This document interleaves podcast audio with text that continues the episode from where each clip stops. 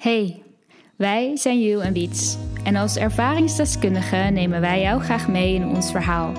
Waarbij we je alles willen vertellen over de ups en downs van een burn-out. Daarnaast hebben we het over onderwerpen zoals stress, persoonlijke ontwikkeling, ontspanning en vooral ook persoonlijke verhalen over wat voor ons wel en niet heeft gewerkt bij ons herstel. Geen één burn-out is hetzelfde en wij willen je vooral het gevoel geven dat jij er nooit alleen voor staat. Welkom bij onze podcast Burnout Stories.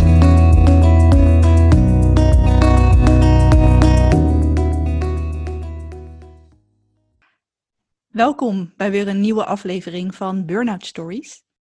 Superleuk dat je weer luistert. De vorige keer hebben we heel veel verteld, heel veel informatie gegeven over wat is nou precies een burn-out en wat zijn de fases, wat is het verloop. En het zou kunnen dat je na de vorige keer misschien wel het een en ander herkend hebt of dat je je gerealiseerd hebt van oké, ik zit ergens in die fases. Daar gaan we vandaag op verder. Ja, absoluut. Want wat we de vorige keer ook zeiden, we, we laten jullie natuurlijk niet hangen. En eh, we willen jullie vandaag in deze derde aflevering dus heel graag meenemen naar wat is dan, wat zijn dan de stappen die je kunt zetten om terug te gaan naar jouw balans? En wat is daarvan de basis? En wat is balans voor jou? Is dat ook voor iedereen hetzelfde of is daar verschil in? En we willen je vooral meenemen in weer onze visie, wat wij daarvan denken, maar ook wel wat basistips. En wat we ook de vorige keer uh, aankaarten, is dat er in dat hele proces van wat kan beginnen met een stressvolle week, wat kan leiden tot een langere periode van stress, tot overspannenheid en uiteindelijk richting die burn-out. Maar dat ook daartussen wel een aantal kantelpunten zitten in dat hele proces. En wat, wat gebeurt er als jij, of je kan je bewust worden dat je in zo'n kantelpunt zit. Maar wat dan? Ja, precies. En dat je ook, dat bespraken we toen ook, van er zijn waar je ook zit en wat je ook ervaart, altijd tips, eigenlijk een soort basistips, waar we vandaag op in willen gaan, die voor iedereen gelden. En dat wil niet zeggen dat er een standaard stappenplan is voor waarvan wij zeggen, nou als je dit doet, dan krijg je geen burn-out. Of als je dit doet, dan ben je binnen drie weken van je burn-out af. Zo werkt het niet. Dat is in ieder geval niet hoe wij er naar kijken. Nee, absoluut niet. Nou, waar we vandaag op in willen gaan is dat de basis, dus de basis terug naar de balans weer vinden, daar hebben we een aantal voorbeelden van. Maar het is niet zo dat dat voor iedereen hetzelfde traject zal zijn. En zeker na de fases die we in de vorige aflevering bespraken, is dat hoe langer jij hebt opgebouwd in stress, in spanning en hoe verder je eigenlijk verwijderd bent geraakt van die basis, hoe langer je ook de tijd nodig zal hebben om die balans weer terug te vinden tussen je lichaam en je mind. Dus ja, je lichaam en je hoofd. Ja, zeker. En dat betekent dus niet als jij bewust wordt van ik heb, weer, ik heb op dit moment veel stress en ik moet er iets mee doen, zal dat afhankelijk zijn van in hoe lange tijd jij dat hebt opgebouwd. En betekent dat niet, en in sommige gevallen misschien wel, maar als jij bijvoorbeeld een week of een paar weken de focus wat meer legt op ontspanning, uh, gezonde voeding, uh, wat meer voor jezelf zorgen, wat meer tijd alleen, dat je er dan ineens weer bent. En ik hoop het oprecht voor je, maar nou ja, wat Jill zei, hoe langer maar de aanloop is gegaan of is geweest naar het punt waar je nu bent, zo lang zal je waarschijnlijk ook vaak weer nodig hebben, of hoe langer je ook weer zal nodig hebben om weer terug te komen in die balans. En als je dus binnen een week niet weer de oude bent, betekent dat niet dat je iets fout hebt gedaan, maar dat betekent gewoon dat jouw lichaam eigenlijk zo erg uitgestretched is je kan het misschien wel vergelijken met een, een elastiekje. Die, hè, die is heel rekbaar en die heeft een hoop spanning. En als je hem uitrekt, dan schiet hij weer terug. Maar als hij een hele lange tijd onder bepaalde spanning heeft gestaan, ja, dan, dan schiet hij niet meer terug. Dan heeft het veel langer de tijd nodig om weer terug op ja, zijn eigen spanning te komen. Ja, dat is wel een heel mooi voorbeeld inderdaad. En ook wat we vorige keer ook bespraken, is dat je zenuwstelsel, dus jouw lichaam, is ook gewoon oprecht helemaal uit balans. Dus die balans is er ook gewoon echt niet meer. En daar gieren stresshormonen door je lichaam. En dat zal je ook misschien wel voelen. Doordat je je heel opgejaagd voelt of heel veel moeite hebt om bijvoorbeeld in slaap te vallen. Dus dat, is ook, dat heeft ook echt de tijd nodig. En juist dat vertragen, die eerste stappen die je gaat nemen, die zijn vaak de moeilijkste. Ja, dat zal voor iedereen anders zijn. Maar weet dat als je daar moeite mee hebt, dat dat echt heel normaal is. Ja, absoluut. Want wat versta jij dan onder die basis, joh? Nou ja, ik kan me nog heel goed herinneren dat ik op het moment dat ik uitviel, dat ik heel veel moeite had om allereerst te accepteren dat, dat het dus echt menens was, dat het dus echt niet meer goed ging. Mm En ik kan me ook nog heel goed herinneren dat ik zoveel moeite had om te vertragen, omdat ik zo erg nog in die maar door, door, door fase of ja, mentaliteit zat eigenlijk nog. En dat vertragen, ik denk dat dat, dat accepteren dat dit dus prioriteit heeft, van oké, zoals je het deed, dat gaat dus niet meer. Dat is denk ik de allereerste stap, die nu gelijk in me naar boven schiet. Van ja, dat, daar had ik echt heel veel moeite mee. Ja. ja, en ook wel, als ik daarop mag aanvullen, ik denk dat juist misschien wel heel veel mensen dat ook kunnen herkennen, ook als je nog langer niet in een burn-out zit. Maar wat mensen vaak ervaren op vakantie, is dat ze Mhm. hè, de week voor de vakantie nog net even een tandje erbij, want alles moet af, de mailtjes moeten eruit. Alles moet eigenlijk eh, ja, met een schone lei, zodat je na de vakantie weer zo rustig mogelijk kan beginnen. Wat dan vaak Ja. gebeurt is dat je die eerste weken van de vakantie nog zo erg in die do-modus zit en zo aanstaat, dat je daar echt soms één of twee weken soort van, nou ja, op vakantie moet zijn. En dus rustiger aan aan het doen bent en wat meer in momenten aan het leven bent en gewoon doen wat de dag eh, brengt, zeg maar. En dat mensen dan pas ervaren van, "Ah, oké, volgende week moet ik weer beginnen, maar ik voel me eindelijk een beetje uitgerust. Ja, dat inderdaad. Alsof het dan echt, je moet gewoon een soort afbouwen of zo. Je moet echt, eh, of afkicken, of hoe je het zou willen noemen, inderdaad, ja. Ja, maar herken jij dat? Heb jij dat ook gehad in het begin? Ja, heel erg. bij jou? Ehm, nou, wat, hoe zou ik dat zeggen? Ja, ik denk dat daar, daar gaan we op een later moment ook wel echt nog meer op inzoomen natuurlijk over wat er bij Ja, ons allemaal is gebeurd. Maar ja, de burn-out van mij en die van Jules zijn natuurlijk ook uiteraard heel erg verschillend. Ik denk dat ik best wel al een hele lange tijd bewust was dat het niet zo lekker ging. Maar ik kon niet accepteren dat het niet ging zo. Ik moest voor mezelf naar een bepaald eh, doel toestreven. Ik had mijn baan al opgezegd en ik had in mijn hoofd, ik moet het afmaken en dan kan ik uitrusten. En op een gegeven moment protesteerde mijn lichaam gewoon zo erg, maar ik kon niet voor mezelf beslissen dat het genoeg was. Totdat het op een gegeven moment gewoon echt niet meer ging, zeg maar. Ik kon gewoon niet meer, mijn lichaam zei echt ho. En dat vond ik zo lastig dat anderen tegen mij hebben moeten zeggen: Wiets, ga nou alsjeblieft naar de huisarts, want het, zo gaat het toch niet. En dat de huisarts eigenlijk echt tegen mij moest zeggen: van ja, maar je hebt wel echt een burn-out. en zelfs toen dacht ik nog: nee, echt niet. Ik? ja, precies. Nee joh, ik ben gewoon uh, even een beetje te lang uh, doorgegaan. En over een maandje of twee, één of twee, dan uitrusten en dan ben ik er wel weer. Weet je, dat, dat komt wel goed. Uh, ja. Dan hoef ik niks meer en dan, kom, en dan ben ik er weer.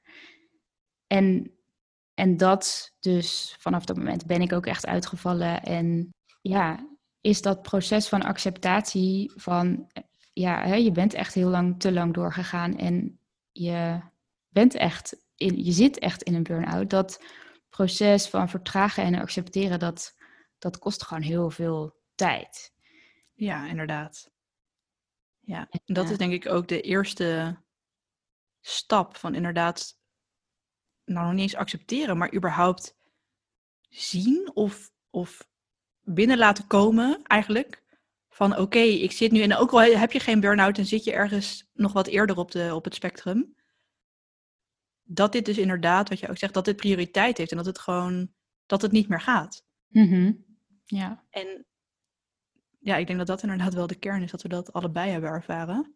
Ja, absoluut. En dan? Weet Ja, je, want dat is dan ook heel moeilijk, hè? Want Ja. wat is dan de basis daarna? Ja. ja, nou, wat wel, wel grappig is, of nou, niet per se grappig, maar wat ik zelf heel erg in mijn hoofd had geprent, ook wel van, ik heb ook wel eerder in mijn leven wat periodes gehad dat ik niet zo lekker in mijn vel zat, of dat het even wat minder goed ging, of dat ik veel darmklachten had of zo. En ik had voor mezelf soort van een, een, een lijstje opgesteld van, oké, als ik niet lekker in mijn vel zit, dan moet ik veel bewegen, want dat helpt. Dan moet ik heel gezond eten, want dat helpt. En ik moet veel slapen en eh, wat meer tijd met mezelf doorbrengen. En ja, iets van ontspanning doen. Alsof het dat een soort van formule zou zijn voor succes. Of eh, weer, nou, terugkomen. daar gaat het om. Ja. Maar goed, en ik denk ook dat in veel gevallen dat ook echt wel een groot onderdeel is van die basis, zeg maar. Dat genoeg uren slapen, dat zorgt gewoon echt weer voor, nou ja, je zenuwstelsel tot rust brengen, je hormonen in balans, et cetera. Goede voeding ondersteunt dat natuurlijk ook. Eh, hè, dat werkt beter dan dat je, doordat je zo moe bent, geneigd bent om snel naar snelle snacks of makkelijk eh, iets minder gezond eten te, te grijpen, zeg maar. Ehm, ja, ook dat is wel weer soort van discutabel.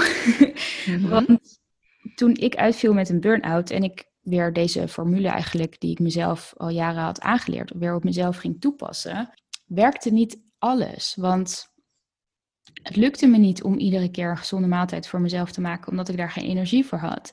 En het lukte me niet om naar de sportschool te gaan, omdat ik mijn hele lijf was vol met spanning en ik had overal spierpijn zonder dat ik überhaupt had gesport en mijn hele rug zat vast en nou, et cetera. Dus Ja. op dat moment was dat voor mij niet de juiste keuze. En dat, dat is dus ook weer wat we wilden laten zien van waar je ook zit in dat proces. Het is zo belangrijk om te gaan kijken wat op dit moment voor jou werkt. Wat heb jij nu nodig? En daar is geen succesformule voor, maar dat is echt, ja, vertragen, naar binnen keren, luisteren naar de signalen en je onderbuikgevoel van wat heb ik nodig? Ja, absoluut dat inderdaad. En kijk, het is soms heel lastig als mensen tegen je zeggen van... Oké, maar, maar luister dan naar je lichaam en wat heb je dan nu nodig? Terwijl je in een soort heel ja, enorme stressstand staat, zeg maar. Dat je dan denkt, ja, weet ik veel wat ik nodig heb? Nou ja, dat, dat, weet je soms ook niet. Nee, Ehm, zeker niet en- als je zo lang soort van jezelf hebt getraind in... Oké, dit en dit en dit heb ik nodig om me goed te voelen. Omdat je dat ergens hebt gelezen of van iemand anders hebt gehoord. Of ja, zeker op dit moment bestaat heel internet en social media uit soort van succesplannen voor hoe moet ik ontspannen, hoe eh, moet ik gezond leven, et cetera. ja, Ja, en, en zijn we ook heel erg natuurlijk getraind om vooral te denken en dingen te, te bedenken en te analyseren met ons hoofd. En zijn we eigenlijk iets minder getraind in het echt goed leren luisteren naar ons lichaam. Ja, dat denk ik. En vooral ook omdat je nu merkt dat er zoveel, inderdaad, van dat soort programma's zijn die ook op zichzelf heel goed zijn. hè. Ik bedoel, laten, dat, Mhm. daar zijn we heel eh, absoluut. Maar het is ook ergens wel heel erg belangrijk voor heel veel mensen om zich altijd maar goed te voelen. En ik denk dat een burn-out een van de grootste, of heel veel stress, een van de grootste uitnodigingen ook is om te accepteren dat het soms dus helemaal niet gaat. En dat je dus gewoon volledig ingestort bent. Ook dat accepteren, dat is ook eigenlijk wel een van de lastigste dingen. Mhm. Omdat je, je gaat ook op zoek, tenminste dat kan ik mezelf nog heel erg herinneren, is dat je gaat heel erg op zoek naar, oké, nou, de huisarts zegt dat ik een burn-out heb. Dat zal dan wel. Hoe kom ik hier zo snel mogelijk weer vanaf?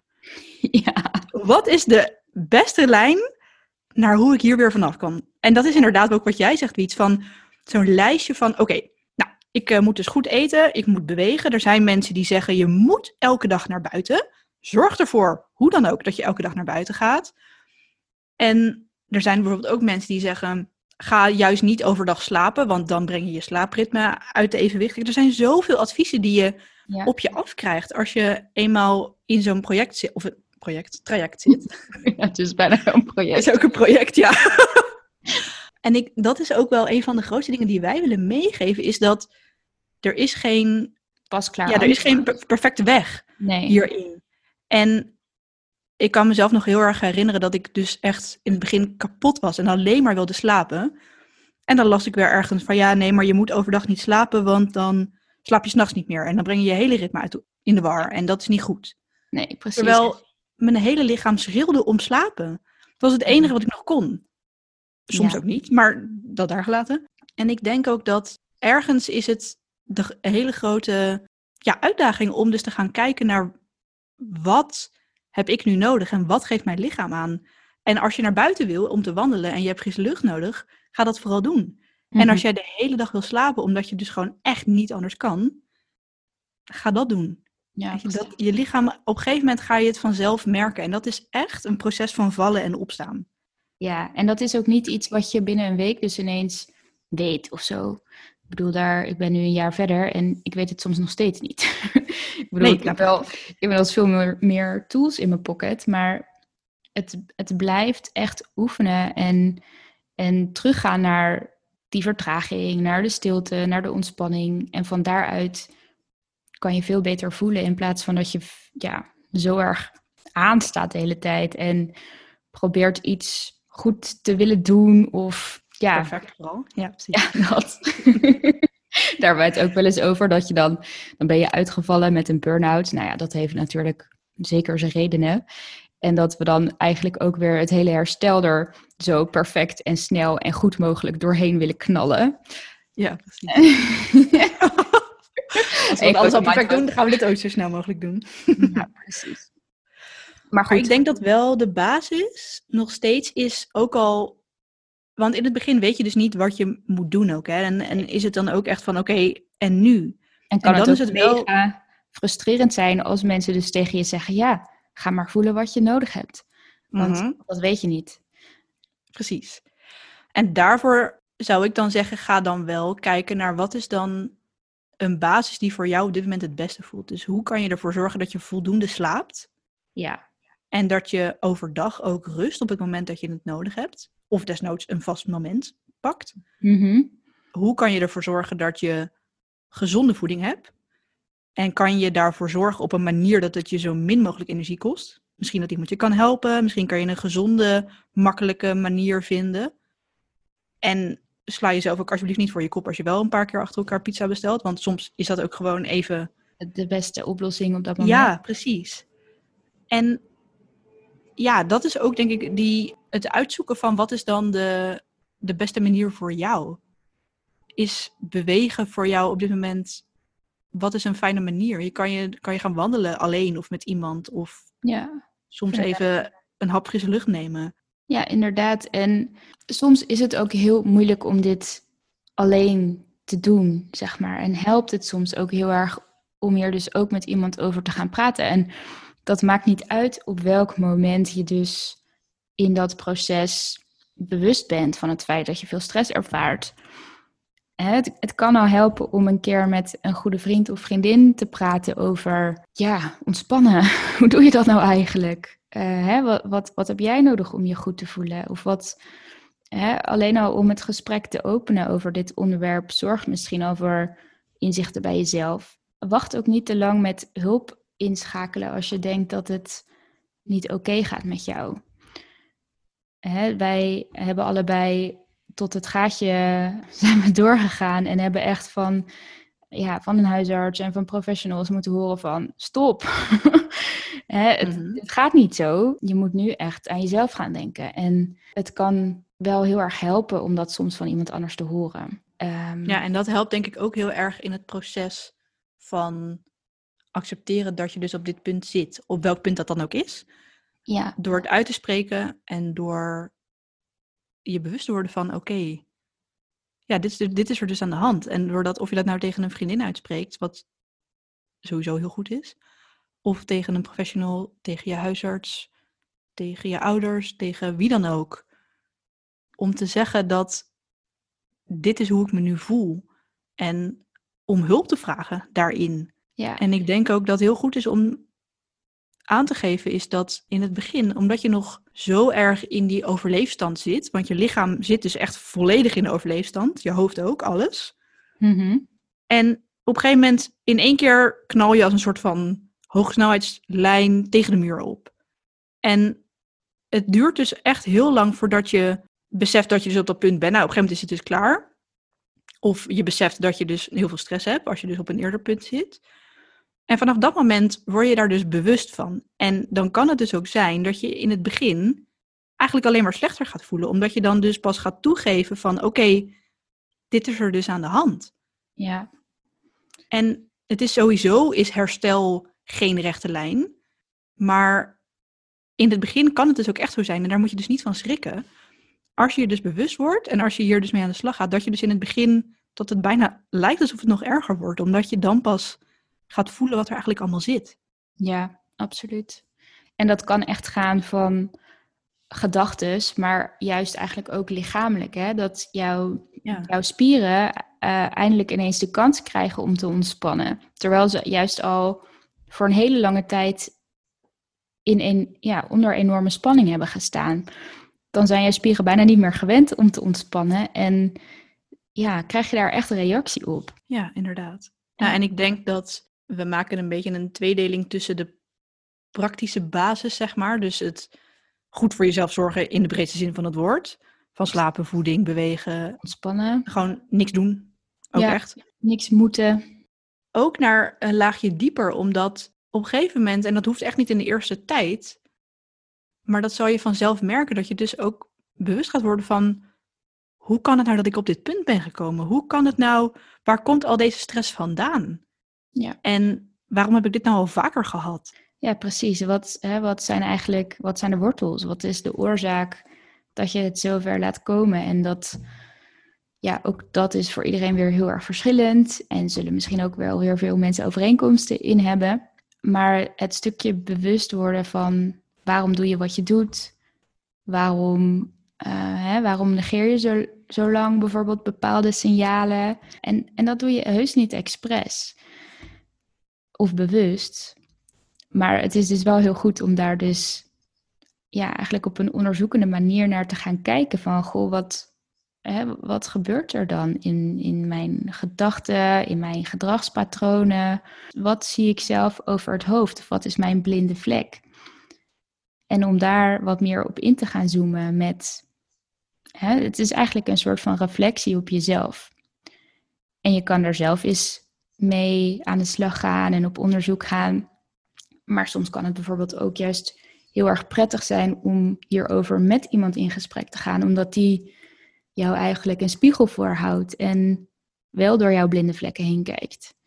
Iemand zoals een coach of een psycholoog of een andere professional kunnen hier heel eh, nuttig bij zijn natuurlijk. Ja, zeker. En ik denk dat het is dus op de een of andere manier, en dat hoeft dus niet vanaf het begin af aan, maar ergens in het proces nodig om weer in contact te komen met jezelf. Omdat je ergens in je hele leven, dat hebben wij ook allebei gehad, ben je dus jezelf kwijtgeraakt.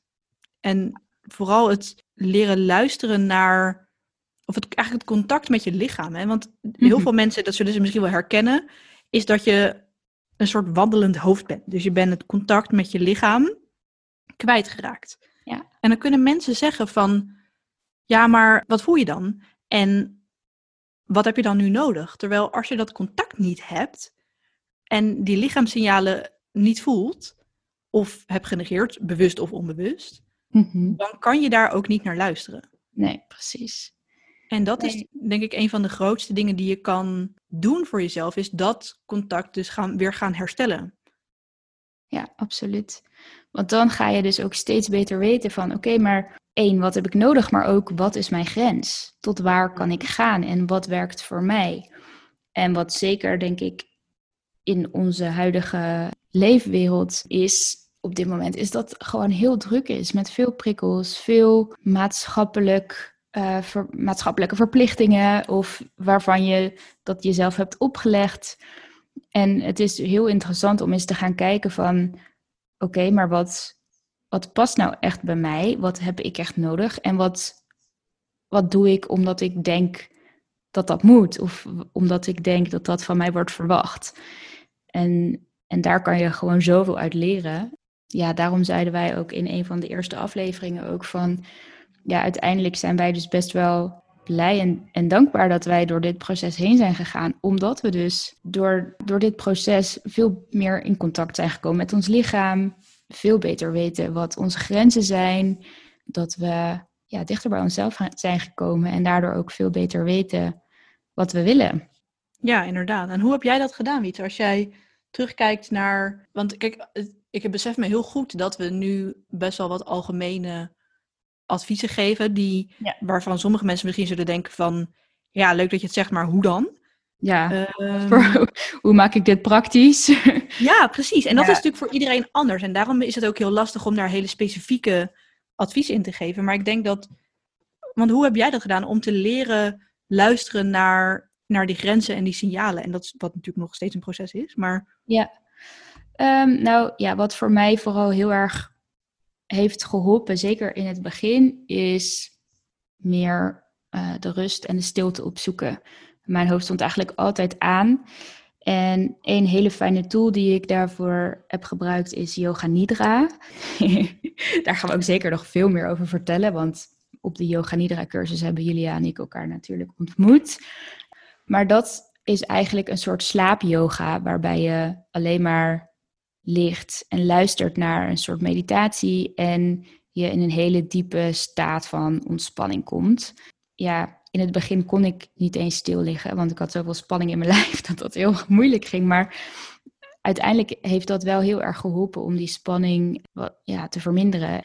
En door dus steeds meer in die ontspanning te komen, in de stilte, in de rust, ja, ben ik eigenlijk steeds meer gaan leren voelen. En leren voelen waar die signalen vandaan kwamen. Ja, dan is dat natuurlijk nog. Ja, je kan een keer yoga niet proberen. Dat is natuurlijk altijd een goed idee. maar om het, om het praktisch te maken, is het denk ik echt uitproberen. Uitproberen wat voor jou werkt en ga eens een keer mediteren. er zijn heel veel apps waardoor het op dit moment heel makkelijk is. Ga uh, een keer wandelen zonder dat je meteen naar een podcast luistert of muziek in je oren stopt of gewoon alleen zijn met jezelf. En dat, ja, niksen. gewoon doen. De grootste uitdaging ooit. Ja, nee, zeker. Ja. En hoe, uh, hoe is dat voor jou? Kan jij nog wat praktische tips geven?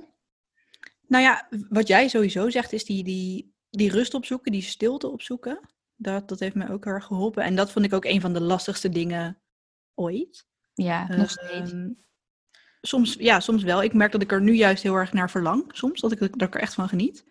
Nee, er zijn een paar, een paar losse dingetjes. Wat mij heel erg geholpen heeft, is soms luisteren naar hele rustige muziek. Naar, ik kan best wel heel veel natuurmuziek, geluiden op YouTube en zo vinden.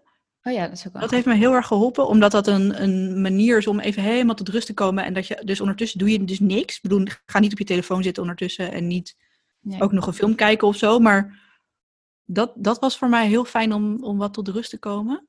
En wat mij heel erg geholpen heeft in het hele proces is schrijven.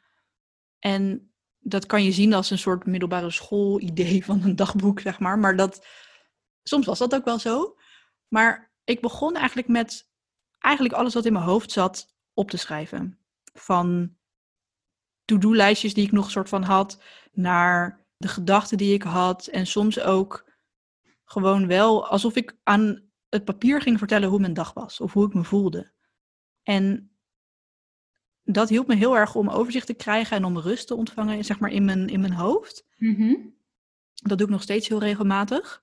Nou, dat was voor mij een manier om heel erg tot rust te komen.